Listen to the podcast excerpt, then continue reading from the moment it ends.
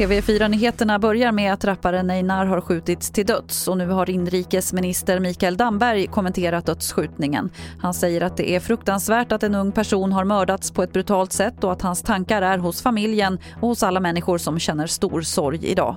Det var alltså vid 23-tiden igår kväll som flera vittnen säger att de hörde smällar i Hammarby sjöstad i Stockholm.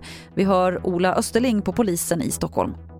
Han var träffad med flera skott och första polispatrullerna på plats eh, biträdde ambulans med att genomföra första hjälpen på plats men mycket kort efter de här åtgärderna hade vidtagits eh, så kontrollerade medicinsk fackpersonal att eh, mannen var avliden på plats.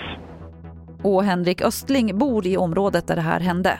Det är otroligt eh, tragiskt och man är, man är chockad att ta in att det händer så nära där man bor. Det, så känner man. Och speciellt i ett område, jag har bott här i 20 år snart tror jag. Eh, så det har varit lugnt och fridfullt i så många år, i 15 år. Men, eh, men, men nu är det annat här, även här, tyvärr. tyvärr.